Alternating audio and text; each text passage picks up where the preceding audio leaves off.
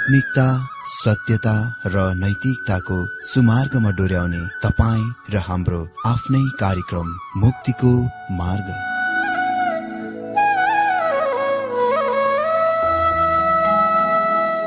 आदरणीय श्रोता यस मुक्तिको मार्ग कार्यक्रममा हार्दिक स्वागत छ। आशा छ यस आत्मिक कार्यक्रमद्वारा जीवनमा आत्मिक आशिष अलौकिक शान्ति र आनन्द प्राप्त गर्नुहुनेछ। र जीवनमा धन्य अनुभव गर्नुहुनेछ। आउनुहोस् श्रोता मन र आत्माको तयारीको लागि यो मिठो अनि मधुर भजन गीत सुनौ।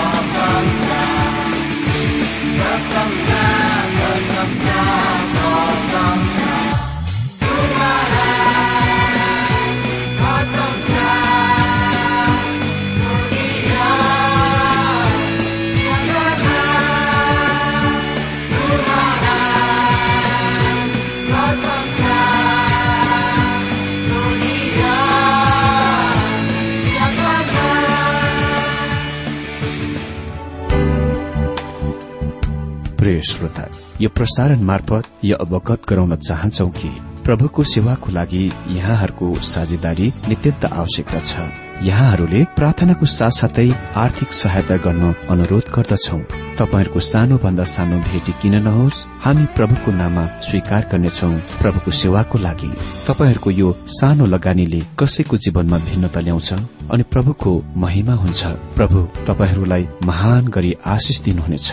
इच्छुक श्रोताहरूले तपाईँको इच्छा भेटी हाम्रो ठेगानामा पठाउन सक्नुहुन्छ जुन ठेगाना हामी कार्यक्रमको अन्तमा दिनेछौ।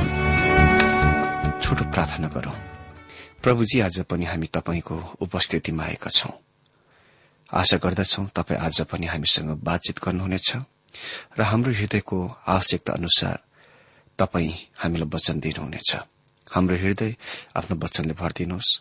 साथै यो अध्ययनमा हाम्रो मन मस्तिष्कलाई आफ्नो नियन्त्रणमा लिनुहोस्। यसु प्रभुको नाममा यो प्रार्थना माग्छु।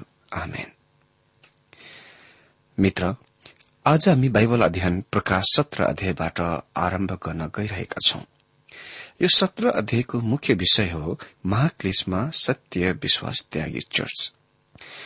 अध्याय सत्र र अठारमा हामी दुई बेबिलोनहरूको दण्ड देख्छौ। हामी सर्वप्रथममा प्रकाश सत्र अध्यायमा महाक्लेश अवधिमा सत्य विश्वास त्याग चर्चको देख्छौ। अनि त्यसपछि हामी धार्मिक बेबिलोनको मात्र देख्ने छैनौं तर अठार अध्यायमा वाणिज्य बेबिलोनको पनि देख्नेछौ। त्यहाँ धेरै मामलाहरू माक्लेसमा संकष्टको घड़ीमा ल्याइएको छ कि तिनीहरूलाई छुट्याउन एकदम कठिन छ र धेरै उक्तम व्याख्याता र टीका टिप्पणीकारहरू विवरणहरूमा असहमतिमा छन्। हामीले पहिले नै यी कुराहरूको देखिसकेका छौं। यद्यपि हामी अर्थ खुलाई वा व्याख्याको प्रणाली विधिसँग सहमत हुन्छौ तापनि हामी विवरणमा चाहिँ असहमति हुन्छौ। यस तथ्यले विश्वासहरूलाई हताश र व्याकुल गराउनु हुँदैन किनकि अधिक धेरै विवरणहरू तबसम्म स्पष्ट हुने छैन जबसम्म संसारमा महाक्लेश अवधिमा प्रवेश गर्दैन। मतलब? जबसम्म संसार महाक्लेश अवधिमा प्रवेश गर्दैन तबसम्म धेरै विवरणहरू स्पष्ट हुने छैन। र वास्तवमा प्रत्येक संकष्टको चरम बिन्दुको सामना गर्दैन। यो विशेष गरेर प्रकाश सत्र र अठार अध्यायमा दुई बेबिलोनहरूको सम्बन्धमा प्रमाणित कुरा हो। प्रश्न उठ्छ के त्यहाँ दुई बेबिलोनहरू छन् र के ती तिनीहरू दुई बेग्ला बेग्लै अलग अलग भौगोलिक स्थानहरूमा छन्? के तिनीहरू दुई प्रणालीहरूका प्रतिनिधिक हुन्? के ती साँच्चीकै शहरहरू हुन्? वा के तिनीहरू उही एउटै हुन्? यी प्रश्नहरूको उत्तरहरू झन अधिक धेरै स्पष्ट बन्नेछ जब हाम्रो उद्धार नजिक निकट आउँदछ। मेरो विचारमा वर्तमानमा यो यस्तो देखाइ पर्दछ कि दुई अलग अलग शहरहरू यहाँ दृश्यमा छन्। यहाँ तेह्र अध्यायमा यो रहस्य बिबलोन हो अर्थात संसारको चर्च सत्य विश्वास त्यागी चर्च प्रकाश दुई अध्याय अठारदेखि उन्तिस पदमा वर्णित थियाटिराको चर्च जुनले इजेबेललाई सिकाउन त्यसको शिक्षालाई सिकाउन अनुमति दियो त्यो महाक्लेशको सत्य विश्वास त्यागी चर्च बन्नेछ यसले विश्वको सम्पूर्ण महान प्रणालीहरूको वर्तमान दिनको सत्य विश्वास त्यागको लक्ष्यको प्राप्त गर्नेछ। अर्थात रोमनवाद प्रोटेस्टेन्टवाद अन्य जाति धर्म झुट्टा धर्म र सम्पूर्ण बातहरूको। अरू त के हाम्रा बाइबल चर्च भनिने चर्चहरूमा त्यहाँ कोही कोही छन् जो विश्वासीहरू होइनन्? अनि महाक्लेश अवधिमा तिनीहरू यी महान संगठन संस्थामा मिल्नेछन् जोडिनेछन् र जुनले आफैलाई चर्च त भन्छ मण्डली त भन्छ तर वास्तवमा त्यो होइन। बाइबलले त्यसलाई व्यस्य भन्दछ त्योभन्दा घटिया निज नाम केही पनि छैन। यो सम्पूर्ण ख्रिष्टीय जगतको वा चर्चको एकत्रितमा ल्याउने एक विश्व चर्चको संस्था हो संगठन हो। यो प्रणालीको स्थान चाहिँ रोममा हुन सक्छ। रोम जुन सात पर्वतहरूमा बसालिएको छ सम्बत यहाँ खास विचार हुनुपर्छ। तर जेनेभासँग जहाँ विश्व चर्चहरूको परिषदको मुख्य अड्डा हेडक्वार्टर छ। अनि मलाई लाग्छ यो यसमा सामेल छ। अनि अरू स्थानहरू जस्तै लस एन्जल्स। मित्र यसलाई त्यसको शुरूआतमा उत्पत्तिको कारण रहस्य बिबिलोन भनिएको छ। बाबेलको धरारामा मानिसले परमेश्वरको विरूद्ध विरोध जुलुस गर्न प्रयत्न गरेथ्यो। निमृतको नेतृत्वमुनि बेबिलोन झुट्टा धर्मको उत्पत्ति बन्यो। अहिले निमरोधको सपना महाक्लेश अवधिको प्रथम आधा भागमा साकार गरिनेछ। किनकि संसारिक चर्चले त्यस पशुलाई अधिपत्य गर्दछ। चर्च जुन ख्रिस्टको दुलही हुनुपर्नेमा यहाँ व्यस्या छ। यो चर्च आत्मिक व्यविचारको दोषी छ जुनले आफैलाई पैसाको लागि संसारलाई बेचेको छ। यो नै चर्चले भन्छ म धनी छु र मसँग सम्पूर्ण कुरा छ। मलाई कुनै कुराको आवश्यकता छैन। पछाडि प्रकाश तीन र चार अध्यायमा सात चर्चहरूको मण्डलीहरूको अध्ययनमा मैले यो कुरा औल्याएको थिएँ कि फिलिडेल्फियामा भएको चर्चले त्यस चर्चको प्रतिनिधित्व गर्दछ जुन महाक्लिस अवधिको समयभन्दा पहिले स्वर्गीयमा उठाइ लगिनेछ। उहाँले त्यस चर्चलाई भन्नुभयो प्रकाश तीनको दश पदमा यसकारण यसकारण म पनि तिमीलाई परीक्षाको घड़ीबाट जोगाउनेछु। यो घड़ी चाहिँ महाक्लेश हो अनि यो प्रकाशको पुस्तक को हाम्रो अध्ययनमा हामी त्यस घड़ीमा लामो समय पहिले भइसकेका छौं वा आइसकेका छौं। सत्य चर्च महाक्लेश अवधिमा भएर जाने छैन। त्यो महाक्लेश आरम्भ हुनभन्दा पहिले स्वर्गीय यात्रामा उठाइ लगिनेछ। यो कुरामा खास विशेष वा निश्चित हामी हौ को चाहिँ स्वर्गीय यात्रामा उठाइ लगिनेछ? वा स्वर्गीय यात्रामा को चाहिँ लाग्नेछ? कुनै पनि निश्चित विशेष सम्प्रदायहरू होइन र कुनै व्यक्ति विशेष चर्चहरू होइन तर उहाँको चर्च अर्थात उहाँको सम्पूर्ण सत्य विश्वासीहरू जो ख्रिस्टमा छन् त्यो नै झुण्ड स्वर्गीय यात्रामा उठाइ लगिनेछ। अनि बाँकी चर्च सदस्यहरू खालि मुखका ख्रिस्टियनहरू बोक्रे ख्रिस्टियनहरू महाक्लेशमा भएर जान पृथ्वीमा नै छोडिनेछ। डाक्टर जर्ज गिलले भन्ने गर्थे कुनै कुनै चर्च स्वर्गीय यात्रामा सत्य विश्वासीहरू वा चर्च उठाइ लगिसकिएपछि अर्को आराधना सेवामा भेट्नेछन् एकट्ठा हुनेछन् र एकजना आफ्ना सदस्यहरूलाई पनि गुमाउने छैनन् हराउने छैनन्। एउटैलाई पनि तिनीहरूले मिस गर्ने छैनन्। तर यो स्पष्ट रूपमा बुझौं कि तिनीहरू सत्य विश्वासीहरू होइनन्। तिनीहरू प्रभु येशु ख्रिष्टको चर्चको भाग वा अंश होइनन्। उहाँले कहिल्यै पनि तिनीहरूलाई आफ्नो चर्च भन्नुहुन्न। उहाँले त्यसलाई वेश्या भन्नुहुन्छ। यो मिथ्या नकली धार्मिक प्रणाली हो। जुनले महाक्लेशको प्रथम आधा समय अवधिमा त्यस पशुको नियन्त्रण गर्दछ। तैपनि तिनलाई त्यस पशुद्वारा घृणा गरिन्दछ। महाक्लेशको अन्तिम आधा भाग समयमा त्यस पशुले त्यस वेश्याको नष्ट गर्दछ र आफ्नै धर्मको स्थापन गर्दछ। जे डुवेल्ट पेन्टेकोस्टले पछि आउने कुरा नामक आफ्नो पुस्तकमा वेश्याको प्रणाली पद्धतिको सम्बन्धमा यो टिप्पणी दिन्छन्। त्यस पशु जसलाई वेश्याको पद्धति वा प्रणालीद्वारा अधिपत्य गरिएको थियो त्यस वेश्याको विरूद्धमा खड़ा हुन्छ र त्यसलाई र त्यसको प्रणाली र पद्धतिको पूर्ण रूपमा नष्ट गर्दछ। निसन्देह वेश्या प्रणाली झुटा भविष्यवक्ताद्वारा पदोन्नति गरिएको त्यस पशुको धार्मिक आराधना पूजासँगको प्रतिस्पर्धामा थियो। र अहिले त्यस वेश्याको विनाश भएकोले गर्दा त्यो पशु झुटा आराधना र पूजाको मुख्य पात्र बनेको छ जो आफैलाई परमेश्वर हुँ भनी दावी गर्दछ। बेबिलोन पुननिर्माण हुनेछ बनाइनेछ जुनको हामीले यसैया र यर्मियामा हेरिसकेका छौं। र सत्र र अठार अध्यायमा हामी यसलाई नष्ट गरिएको विध्वंस गरिएको देख्दछौ। चर्चको वा कलिसियाई बेबिलोन जंगली त्यो पशुद्वारा नष्ट गरिएको छ। वाणिज्य बेबिलोन ख्रिष्टको पुनः आगमनद्वारा नष्ट गरिएको छ। चर्च वा कलिसिया बेबिलोन पशुद्वारा घृणा गरिएको छ र वाणिज्य बेबिलोन संसारद्वारा प्रेम गरिएको छ। चर्चको वा कलिसिया बेबिलोन महाक्लेशको अन्तिम साढे तीनको शुरूमा नष्ट गरिनेछ। साढे तीन वर्षको शुरूमा ध्वंस गरिएको छ। वाणिज्य बेबिलोन महाक्लेशको अन्तिम साढे तीन वर्षको अन्तमा नष्ट गरिन्दछ यसको मतलब एकदम सबभन्दा अन्तिममा। अनि जकरिया पाँचको पाँचदेखि एघारसँग पनि यसको सम्बन्धमा भन्ने केही चाखलाग्दो कुरा छ। त निम्न पदहरूमा हामी देख्छौ महान वेश्या पशुमाथि सवार गरिरहेका छिन्। मित्र यो तस्विर कति भयानक छ सो कुराको वर्णन गर्ने मसँग शब्दहरू छैन हामीले भनिसकेका छौं कि वेश्या झुटा चर्च हो। अनि त्यो पशु चाहिँ पुनस्थापित रोमी साम्राज्य हो। जुनको म विश्वास गर्दछु त्यो झुट्टा चर्चको सहायताले एकट्ठामा ख्रिष्ट विरोधीद्वारा ल्याइनेछ। सत्र अध्याय एक र दुई पदमा यस प्रकार लेखिएको छ म पढिदिन्छु। अनि सातवटा कचौरा भएका सात स्वर्गीयदूतहरूमध्ये एकजना आए र मलाई यसो भन्दै मसँग कुरा गरे यहाँ आऊ म तिमीलाई धेरै पानीहरूमाथि बस्ने त्यस महावेश्यामाथिको न्याय देखाउनेछु जससँग पृथ्वीका राजाहरूले व्याविचार गरे र पृथ्वीमाथि बस्नेहरू त्यसको व्याविचारको मध्यले मातिए।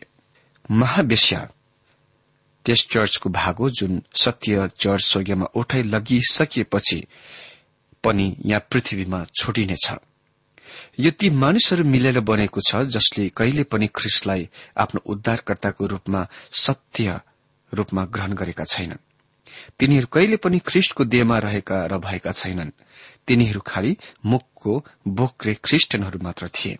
यो नै झुण्ड महाक्लेश अवधिमा प्रवेश गर्नेछ। हामीलाई निश्चित कुरा तिनको बारेमा बताइएको छ। तिनी धेरै पानीहरूमाथि बसिएकी छे। अनि पन्ध्र पद अनुसार जुनको हामी पछिबाट देख्नेछौ पानीहरूले पानीहरूले मानिसहरूका र राष्ट्रहरूका विशाल जनसमूहको संकेत गर्दछ। त्यस वेश्याले संसारलाई अति नै धेरै नियन्त्रण गरिनेछ।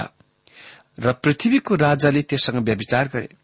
यसले चाहिँ त्यस अवधिमा चर्च र राष्ट्र बीचको अपवित्र मित्रताको देखाउँछ। मेरो मित्र आज हामी विश्वमा यो अभियान आन्दोलन सुनिरहेका छौं वा देखिरहेका छौं। सम्पूर्ण धर्महरूलाई एकठामा ल्याउने एकसाथमा ल्याउने। एकठामा जोड्ने। मित्र यो सबै निश्चय नै यो झुट चर्चको विधिहरूमा पद्धतिहरूमा प्रणालीहरूमा खस्नेछ जुन आउन र प्रकट हुनलाई बाँकी नै छ। अनि शास्त्रले त्यसलाई चर्चको नाम उपाधि दिएर पनि बोलाउँदैन। यद्यपि मलाई निश्चय छ कि त्यसले आफैलाई चर्च भनेर दावी गर्नेछ वा आफैलाई चर्च भन्नेछ। यो विश्व एक धर्म आन्दोलन विशेष गरेर पश्चिमेली मुलुकमा र विशेष गरेर अमेरिकामा प्रचलित छ। म विश्वास गर्दछु यो प्रणाली पद्धति ती राष्ट्रहरूमा कुनै विदेशी राजनैतिक प्रणाली पद्धति भन्दा अझ धेरै खतरनाक छ। त्यो नयाँ नैतिकता भनिने आन्दोलन भन्दा अझ धेरै खतरनाक छ। म विश्वास गर्दछु यो अन्य कुनै आन्दोलन वा अभियान भन्दा धेरै खतरनाक छ। त्यो राष्ट्रहरूको गुट वा दलहरूको जमात शक्ति बन्नेछ जुनले लापरवाह विवेकहीन जनसाधारणलाई तिरमिर पार्नेछ चकित पार्नेछ। अनि त्यसले विश्वलाई समुद्रबाट निस्केको पशु र पृथ्वीबाट निस्केको पशुको प्रभाव मुनि ल्याउनेछ। अनि तिनीहरूले सत्य विश्वास त्यागी चर्चलाई ती विश्वको जनसाधारणहरूलाई नियन्त्रण गर्ने प्रयोग गर्नेछ। अनि त्यो चर्च राजनैतिक पदोन्नति र शक्ति अधिकारको लागि यो प्रबन्ध र सम्झौतामा झुक्नेछ। देख्नुभयो जब तपाईँ सत्यता र यथार्थको इन्कार गर्नुहुन्छ नि तपाई नक्कली कृत्य वा बोक्री कुराको लागि एकदम धेरै खुला हुनुहुन्छ। पाओले थिस्लोनिकी विश्वासीहरूलाई लेखे जब कसैले मुक्ति पाउनको निम्ति सत्यको प्रेमलाई इन्कार गर्दछन् तिनीहरू अति नै ठूलो जुठामा विश्वास गर्नेछन्। त्यस महावेश्यामाथि न्याय वा दण्ड मित्र दण्डको परमेश्वरको कचौरा वेश्याको मुखमा कोच्याइनेछ। अनि कसले त्यसलाई नष्ट गर्न गइरहेको छ? पशु स्वयंले त्यसलाई नष्ट गर्न गइरहेको छ। जुनमाथि त्यो एकपल्ट एक समयमा बस्ने गर्थे वा अधिपत्य गर्ने गर्थे। देख्नुभयो ख्रिष्ट विरोधी र झुट्टा भविष्य वक्ताले तिनीहरूका उद्देश्यहरूको सेवा गरेपछि वा पूरा त्यसले गरिसकेपछि त्यसलाई त्यहाँ रहेको वा भएको चाहँदैन। अनि ख्रिस्ट विरोधी आराधना गरिएको चाहन्छ आफूलाई पूजा गरिएको उपासना गरिएको चाहन्छ। अनि त्यो त्यस चर्चबाट कति पनि प्रतिस्पर्धा चाहँदैन। त्यो आफै नै सर्वे सर्वा हुन चाहन्छ। अनि तीन पदमा हामी पढ्छौं तब उनले मलाई अन्त्यमा एउटा उजाडी स्थानमा लगे अनि निन्दाका नामहरूले भरिएको सातवटा टाउका र दसवटा सिंह भएको एउटा सिन्दुरे रंगको पशुमाथि मैले एउटी स्त्रीलाई बसेकी देखे। उनले मलाई आत्मामा एउटा उजाडी स्थानमा लगे। यो कुराको याद राखौं कि युहाना महिमित दर्शनको लागि र चर्चहरूलाई उहाँको सन्देशको लागि आत्मामा पद्मोसको टापुमा थिए। त्यस समयमा युहानालाई स्वर्गीयमा उठाइ लगियो त्यस समयदेखि दृश्य स्वर्गीयदेखि पृथ्वीमा सर्दछ। तर यहाँ हामीलाई भनिएको छ कि युहाना फेरि आत्मा थिए। आत्मामा थिए। के उसलाई यो दर्शनको लागि आत्माको ताज अभिषेकको आवश्यक छ? यो कुराको याद राखौं यो अध्यय दर्शन हो जहाँ प्रतीकहरूको प्रयोग गरिएको छ। दुवै बेबिलोन र रोमको वरिपरि आसपासमा साँच्चीकै उजाड स्थान मरूभूमि छ। यो रेकर्ड गरिएको इतिहास हो। बेबिलोन उजाड स्थान बन्ने थियो अनि यो सम्बन्धमा यसैया सैतालिस र अडतालिस अध्यय र यर्मिया पचास र एकाउन्न अध्यय हामी पढ्दाखेरि थाहा लाग्छ। रोमको बाहिरको उजाड स्थानलाई कम्पग्ना भनिदछ। म विश्वास गर्दछु कि यस पदमा उल्लेखित उजाड स्थान साँच्चीकै हो। साथै यो बेबिलोनको धार्मिक अन्यलताद्वारा ल्याइएको विश्वको अस्तव्यस्त अवस्थाको संकेत पनि हो। युहानले एउटा सिन्दुरी रंगको पशुमाथि स्त्रीलाई बसेकी देखे। यो भयानक डरलाग्दो दृश्य हो। त्यस जंगली पशु अघि नै पहिले नै पुनस्थापित रोमी साम्राज्यमाथि शासन गरिरहेको ख्रिष्ट विरोधीको रूपमा पहिचान गरिसकिएको छ। त्यस स्त्रीलाई हाम्रो लागि पद अठारमा चिनाइएको छ परिचय गराइएको छ। अनि तिमीले देखेका त्यो स्त्री चाहिँ त्यो महान शहर हो जसले पृथ्वीका राजाहरूमाथि राज्य गर्छ। त्यो स्त्री शहर हो अनि त्यो शहर रोम हो। विश्वको धार्मिक राजधानी। तिनी धार्मिक रोम हुन् जुन त्यस समयमा विश्वका सम्पूर्ण धर्महरूको आफ्नो अधिपत्य मुनि पाउनेछ अधिकार पाउनेछ। मित्र सम्पूर्ण सत्य विश्वासीहरूले स्वर्गीय यात्राको समयमा पृथ्वी छोडिसकेको हुन्छ। यसमा सम्पूर्ण सत्य विश्वासीहरू सम्मिलित छन्। अनि मैले पत्ता लगाएको छु कि रमन क्याथोलिकमा पनि धेरै सत्य विश्वासीहरू छन्। अनि मनतातो चर्च स्वतन्त्रवादी चर्चहरूमा धेरै पक्का विश्वासीहरू छन्। मित्र सम्पूर्ण सत्य विश्वासीहरू चाहे तिनीहरू जुनसुकै चर्चमा जाउन् स्वर्गीय यात्रामा उठाइ लगिनेछन्। अनि पृथ्वीमा चाहिँ त्यो चर्च छोडिनेछ जुन पूर्ण रूपमा सत्य विश्वास त्यागी हो। जुन खालि बोक्रे कृत्य मुखको मात्र विश्वासी हो। अनि त्यसलाई ख्रिष्टको दुलाईको उपाधि दिनको सट्टामा यहाँ परमेश्वर त्यसलाई बेस्या भन्नुहुन्छ। अनि त्यस शहरलाई अझ धेरै गरेर स्पष्ट गरेर पद नौमा पहिचान गरिएको छ। अनि बुद्धि भएको मन यहाँ छ।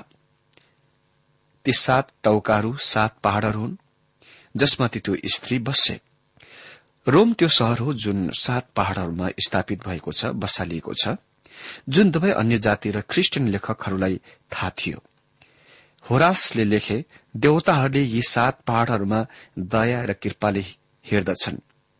ओभिडले यो कुरा थपे तर रोम त्यसको सात पहाड़हरूबाट सम्पूर्ण ग्लोबमा चारैतिर देखिन्दछ जुन साम्राज्यको आसन र देवहरूको वासस्थान हो।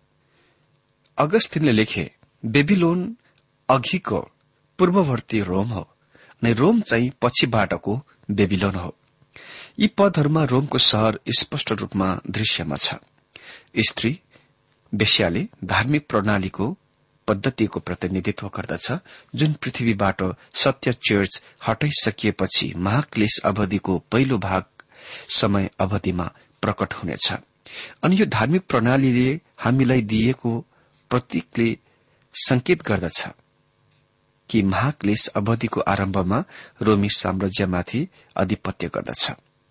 वा त्यसमाथि चढ्दछ जुनले अधिपत्यको संकेत गर्दछ। निन्दाको नामले भरिएकी यसले यो संकेत गर्दछ कि कति धेरै धर्म जीवित ख्रिष्टबाट टाढा प्रस्थान गर्नेछ वा टाढा भौतारी जानेछ। अनि चार र पाँच पदमा यस प्रकार लेखिएको छ सत्र अध्यायको चार र पाँच पदमा अनि त्यो स्त्री बैजनी र सिन्दुरे रंगको वस्त्र पहिरेकी अनि सुन रत्नहरू र मोतीहरूले सिंगारिएकी थिए। त्यसको हातमा घिनलाग्दा कुराहरू र त्यसको व्यविचारको अशुद्धताले भरिएको एउटा सुनको कचौरा थियो अनि त्यसको निधारमा एउटा नाम लेखिएको थियो रहस्य महान बेबिलोन बेसियाहरू र पृथ्वीका घिनलाग्दा कुराहरूकी आमा।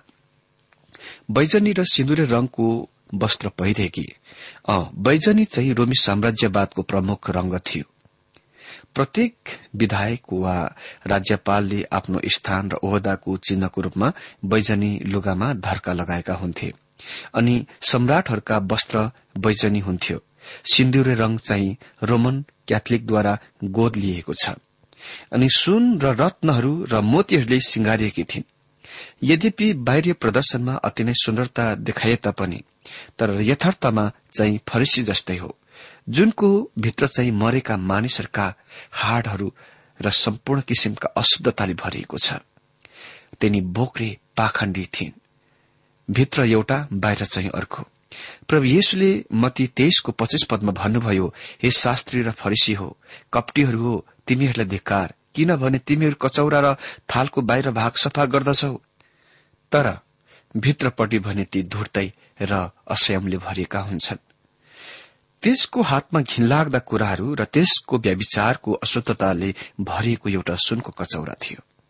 यो चर्च विरोधीको ख्रिस विरोधी होइन र बोक्रे कृत्य धर्म नक्कली छली क्रिस्टियानिटी र झुट र ठगी सुसमाचार र स्वाङ बहाना र नक्कली देखावटी प्रणालीको धार्मिक नशा हो।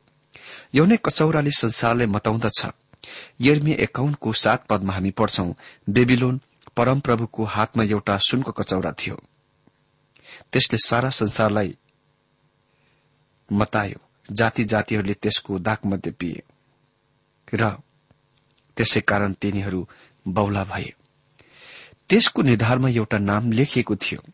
निश्चय नै यो कथन यस स्त्रीको चरित्रको झस्काउने प्रकाश हो। तिनले मुकुट पहिरिएकी छैनन् बरू तिनको शरीरमा तिनको पेसाको चिन्ह छ। नाम छ। रहस्य महान बेबिलोन बेस्याहरू र पृथ्वीका घिनलाग्दा कुराहरूको आमा। यो निश्चय नै यस बोक्रे कृत्य चर्चको अपमानित उपाधि नाम हो जुन ख्रिष्टको दुलहीको रूपमा उहाँको नाम हुनुपर्ने। अहिले म जान्दछु कि हामी परिवर्तन भइरहने नैतिकताको दिनमा रहन्छौ तर म पुरानो विचारधाराको मानिस छु म अझै सोच्दछु कि परमेश्वरको वचन त्यसको महत्वमा सही छ। म सोच्दछु कि संसारमा सबभन्दा उक्तम कुरा स्त्री हो र परमेश्वरले तिनलाई त्यस्तै तरिकामा बनाउनुभयो जब तिनले विवाह गर्दछ र तिनी त्यस सम्बन्धमा ल्याइन्दछन् जुनमा तिनी आफ्नो पतिको पूरक हुन्छन्। तर अभाग्यवश त्यस दृष्टिकोणमा स्त्रीलाई हेरिँदैन। भन्नु नै पर्दा हाम्रा सभ्यताले स्त्रीलाई स्वतन्त्र दिन केही गरेको छैन। बरु तिनलाई दास बनाएको छ ताकि तिनी सेक्सको कामवासनाको मैथुनको प्रतीक बन्न सकेकी छिन् र बनेकी पनि छिन्। तिनको सही अधिकारपूर्णको स्थानमा उठाउनको सट्टामा जहाँ तिनले पुरूषहरूलाई उच्च उचाइमा उठाउन सक्दछ तिनलाई त्यस तरिकामा चरित्र चित्रण गरिएको छ जसले पुरूषलाई अति नै गहिरो खाडलमा तान्दछन्। अनि तपाईँले पाउन सक्ने सबभन्दा निज तस्विर चाहिँ बेस्या हो। बेस्याको। तपाईँले यो मन नपर्ला तर त्यही नै तरिकामा परमेश्वरको वचनले त्यसको देख्दछ। रहस्य बेबिलोन। सत्य चर्च त्यस कुरामा रहस्य छ कि त्यो पुरानो नियममा प्रकट भएको थिएन। एफिसी तीनको एकदेखि नौ पद अनुसार। चर्च विरोधी कृत्य चर्चलाई यहाँ वेश्याको रूपमा उपाधि दिइएको छ। अनि त्यस कुरामा रहस्य छ कि त्यो युहानले प्रकाश सत्र नले खुञ्जेलसम्म प्रकट भएको थिएन। मलाई फेरि यो भन्न दिनुहोस् कि जब सत्य चर्चले पृथ्वी स्वर्गीय यात्रामा छोड्यो। बोक्रे ती जो खालि चर्च सदस्यहरू मात्र थिए मुखको विश्वासीहरू मात्र थिए महाक्लेश अवधिमा प्रवेश गरे अनि प्रणाली पद्धतिहरू निरन्तर जारी रह्यो। अहिले चर्चको रूपमा होइन तर वेश्याको रूपमा यहाँ हामी देख्छौ त्यसलाई। पाउल अधर्मको रहस्यको बारेमा दोस्रो थिस्लोनिकी दुईको सात पदमा लेखेथे अधर्मको रहस्यले पहिल्यैदेखि काम गरिरहेको छ उसले मात्र अहिलेसम्म रोकिराखेको छ। आफू अलग नहुन्जेल उसले रोकिराख्नेछ। अर्थात पवित्र आत्माले रोकिराख्नेछ। चर्च विरोधी वा कृत्य चर्च सत्य चर्चको ठिक उल्टो हो। जुन चाहिँ ख्रिष्टको कुवारी दुल्लही हो अनि यो अधर्मको रहस्यको काम गराइएको पूर्णता हो। यो रहस्य बिबिलोन हो किनभने यसलाई यो नाम दिइएको छ जस्तो कि यरुसलेमलाई सदोमको नाम उपाधि दिइएको छ। बेबिलोन सम्पूर्ण झुटा धर्मको मूल स्रोत हो। त्यसकारण तिनी पृथ्वीका घिनलाग्दा कुराहरूकी आमा हुन्। मित्र भयंकर र घृणित पापका सुस्पष्ट तस्विर हो यो जुन शास्त्रले दिन्छ। विवाहभित्र यौन क्रिया अति नै उक्तम कुरा हो तर विवाह बाहिर चाहिँ यो व्याविचार हो यो ठूलो पाप हो। के तपाईँले यो कुराको ध्यान दिनुभएको छ? यो रहस्य बेबिलोन लाई बेस्यारका आमा भनिएको बेस्यारका आमा एक वचनमा छैन तर बहुवचनमा। हाम्रो दिनमा विशेष गरेर पश्चिमेली मुलुकहरूमा सम्पूर्ण क्रिस्चियन चर्चहरूलाई एकतामा ल्याउने चर्च आन्दोलनले धेरै समस्याहरूको सामना गरेको छ। यो यस्तो देखिन्दछ कि तिनीहरूले मानिसहरूमा मनोवैज्ञानिक सम्बन्धीका विविधताहरूको थाहा पाएका छन् महसुस गरेका छन् कि थियोलोजीहरू धर्मविज्ञानहरू र अभ्यासहरू प्रत्येकलाई अनुकूल गर्नलाई सुहाउँदो गर्नलाई मिलाउन असम्भव छ। त्यसकारण प्रत्येक झुनको झुण्ड यो महान विश्व सम्पूर्ण चर्चहरूलाई एकतामा ल्याउने प्रणालीमा आउनेछ।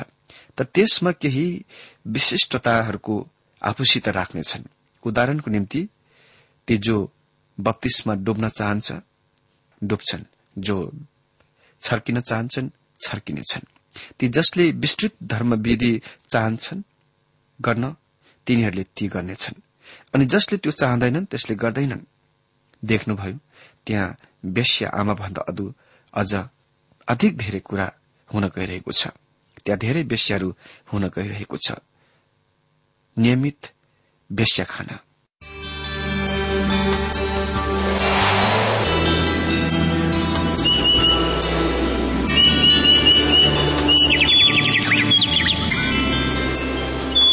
प्रिय श्रोता अहिले भर्खरै तपाईँले टीडब्ल्यूआर नेपालद्वारा संचालित आत्मिक कार्यक्रम मुक्तिको मार्ग सुनिरहनु भएको थियो। श्रोता आजको यो कार्यक्रम सुनेर तपाईँलाई कस्तो लाग्यो? यदि यो कार्यक्रम सुनेर मनमा कुनै खुल्दुली वा कुनै प्रतिक्रिया अर्थात सुझावहरू छन् भने हामीलाई पत्रद्वारा लेख्न सक्नुहुनेछ।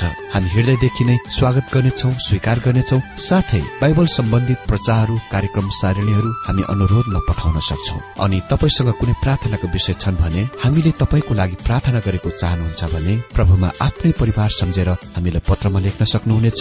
तपाईँको लागि हामी प्रभु येशुसँग प्रार्थना गर्नेछौ। अधिक जानकारी र पत्रचारको लागि हाम्रो ठेगाना यस प्रकार छ। कार्यक्रम मुक्तिको मार्ग जीपीओ नम्बर उनानब्बे पचहत्तर इपिसी पच्चिस एकसठी काठमाडौँ। ठेगाना एकपल्ट सुन्नुहोला। कार्यक्रम मुक्तिको मार्ग जीपीओ नम्बर उनानब्बे पचहत्तर इपिसी पच्चिस एकसठी काठमाडौँ। हाम्रो इमेल एड्रेस हो TWR Nepal at Yahoo dot com. साथै यस नम्बरमा एसएमएस गर्न सक्नुहुनेछ अन्ठानब्बे चार सत्तरी पैंतिस छ सय उनासी नौ आठ चार सात जिरो तीन पाँच छ सात नौ। हुन्छ श्रोता आजलाई हामी विदा चाहन्छौ। अर्को कार्यक्रममा हामी पुनः भेट्नेछौ तबसम्मलाई नमस्कार।